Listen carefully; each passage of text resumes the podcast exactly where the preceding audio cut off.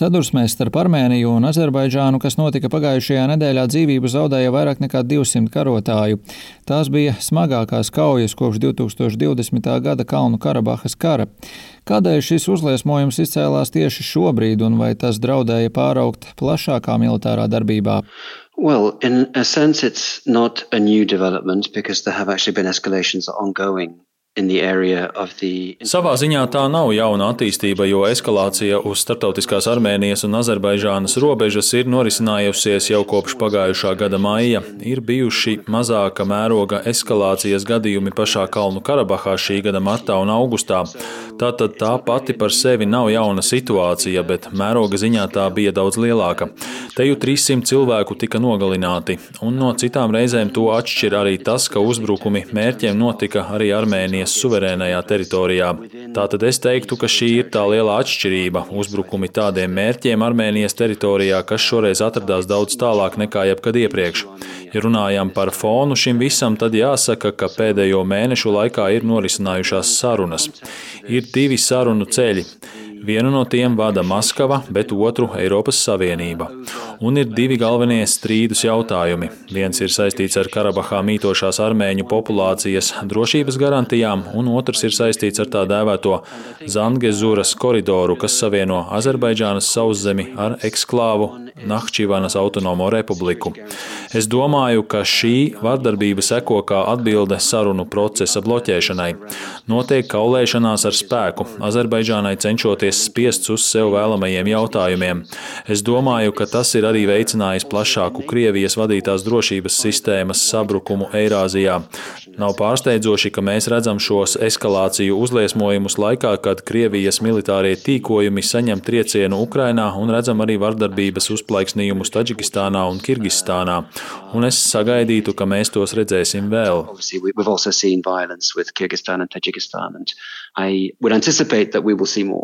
Izskanēja viedokļi, ka šis saspīlējums ir izdevīgs Azerbaidžānai, jo Krievija šobrīd ir aizņemta ar Ukrainu un tai nebūtu resursu un vēlmes doties palīgā Armēnijai.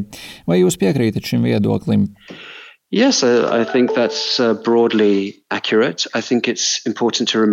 Jā, es domāju, ka plašāk skatoties tas tā ir. Man šķiet, ka ir būtiski atcerēties to, ka lai gan Azerbaidžāna izcīnīja būtisku militāro uzvaru 2020. gadā, tai joprojām ir jāpiekrīt Krievijas miera uzturēšanas misijai Karabahas daļā, kuru tā neatkaroja. Es domāju, ka Azerbaidžānai ir interese redzēt to kā īslaicīgu fenomenu, un tā vēlas atrast veidu, kā šos Krievijas miera uzturēšanas misijas spēkus dabūt no turienes ārā.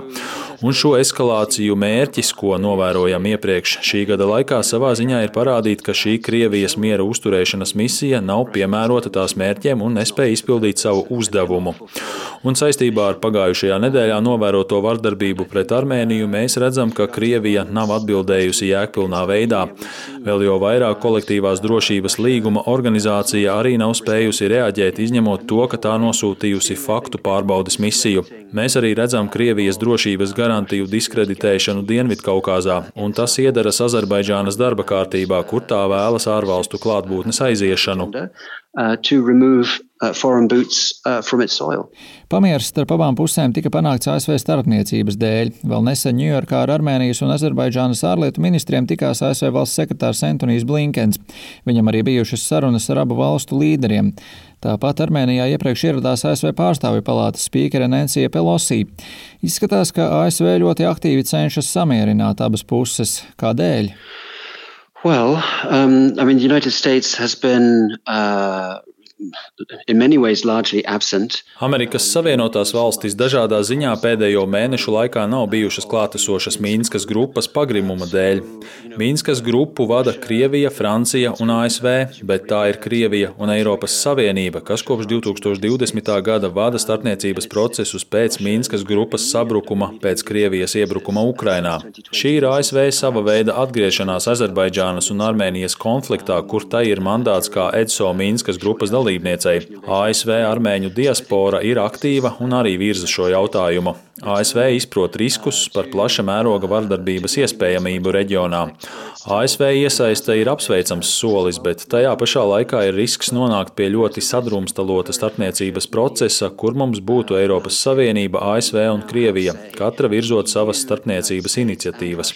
Kādā brīdī tam visam būtu jānonāk vienā saskaņotā struktūrā, un Mīnskas grupa agrīnā stadijā bija atbilde uz to. Neatkarīgi no tā, vai mēs redzēsim Mīnskas grupas atgriešanos, mums būs nepieciešams redzēt kaut kāda veida dažādo starpniecības iniciatīvu integrāciju. Citādāk mēs vienkārši redzēsim tālāku pušu tirgošanos. Uh, by, by the parties. Turcija pēdējā laikā bijusi kā starpnieks dažādiem procesiem. Kāda pašlaik ir Turcijas loma reģionā? Well, Turkey has been uh, fashioning a, a new kind of identity for itself uh, over recent years. Turcija pēdējo gadu laikā cenšas veidot sev jaunu identitāti kā reģionālai varai, kas meklē veidus, kā ietekmēt plašāku reģionu sev apkārt. Tradicionāli, ja atskatāmies uz Pirmo Kalnu Karabahas karu 90. gados, Turcija piedāvāja Azerbaidžānai morālu atbalstu, bet tas bija ļoti sasaistīts ar rietumu drošības arhitektūru, un Turcijai nebija sava atsevišķa politika Azerbaidžānas un Armēnijas Armēnijas konfliktā. Es domāju, ka tas mainījās 2020. gadā, kad Turcija nodrošināja Azerbaidžānu ar militāru un praktisku atbalstu tās militārās kampaņas laikā, un tā turpina to darīt. Ir ļoti cieša abu valstu armiju integrācija, un Turcija ir iesaistīta normalizācijas procesā ar Armēniju. Abas valstis ir nozīmējušas sūtņus. Janvārī abas puses tikās, bet šis process arī ir apstājies un izskatās, ka Turcija progresu šajā virzienā saista ar progresu Azerbaidžānas sarunās ar Armēniju. Turcija spēlē nozīmīgu lomu kā patrons atbalstot Azerbaidžānu un izaicinot Krievijas izgaistošo hegemoniju Dienvidkaukāzā. Tā savā ziņā ir pretrunīga loma, jo diezgan skaidri konfliktā tiek atbalstīta viena puse un ar neparedzamām sekām. Uh, uh, Krievijas prezidents Vladimirs Putins izsludinājis Krievijā daļēju mobilizāciju.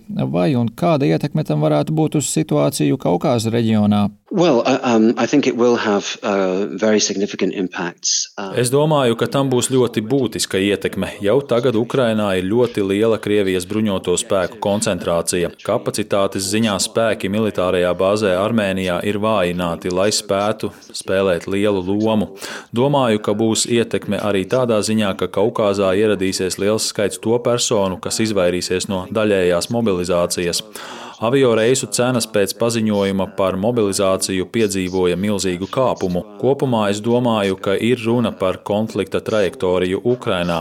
Jo veiksmīgāka būs Ukraina, jo mazāka būs Krievijas kapacitāte Dienvidkaukāzā un Centrālāzijā.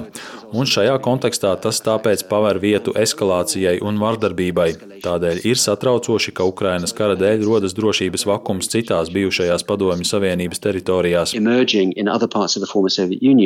uh, due to the war in Ukraine.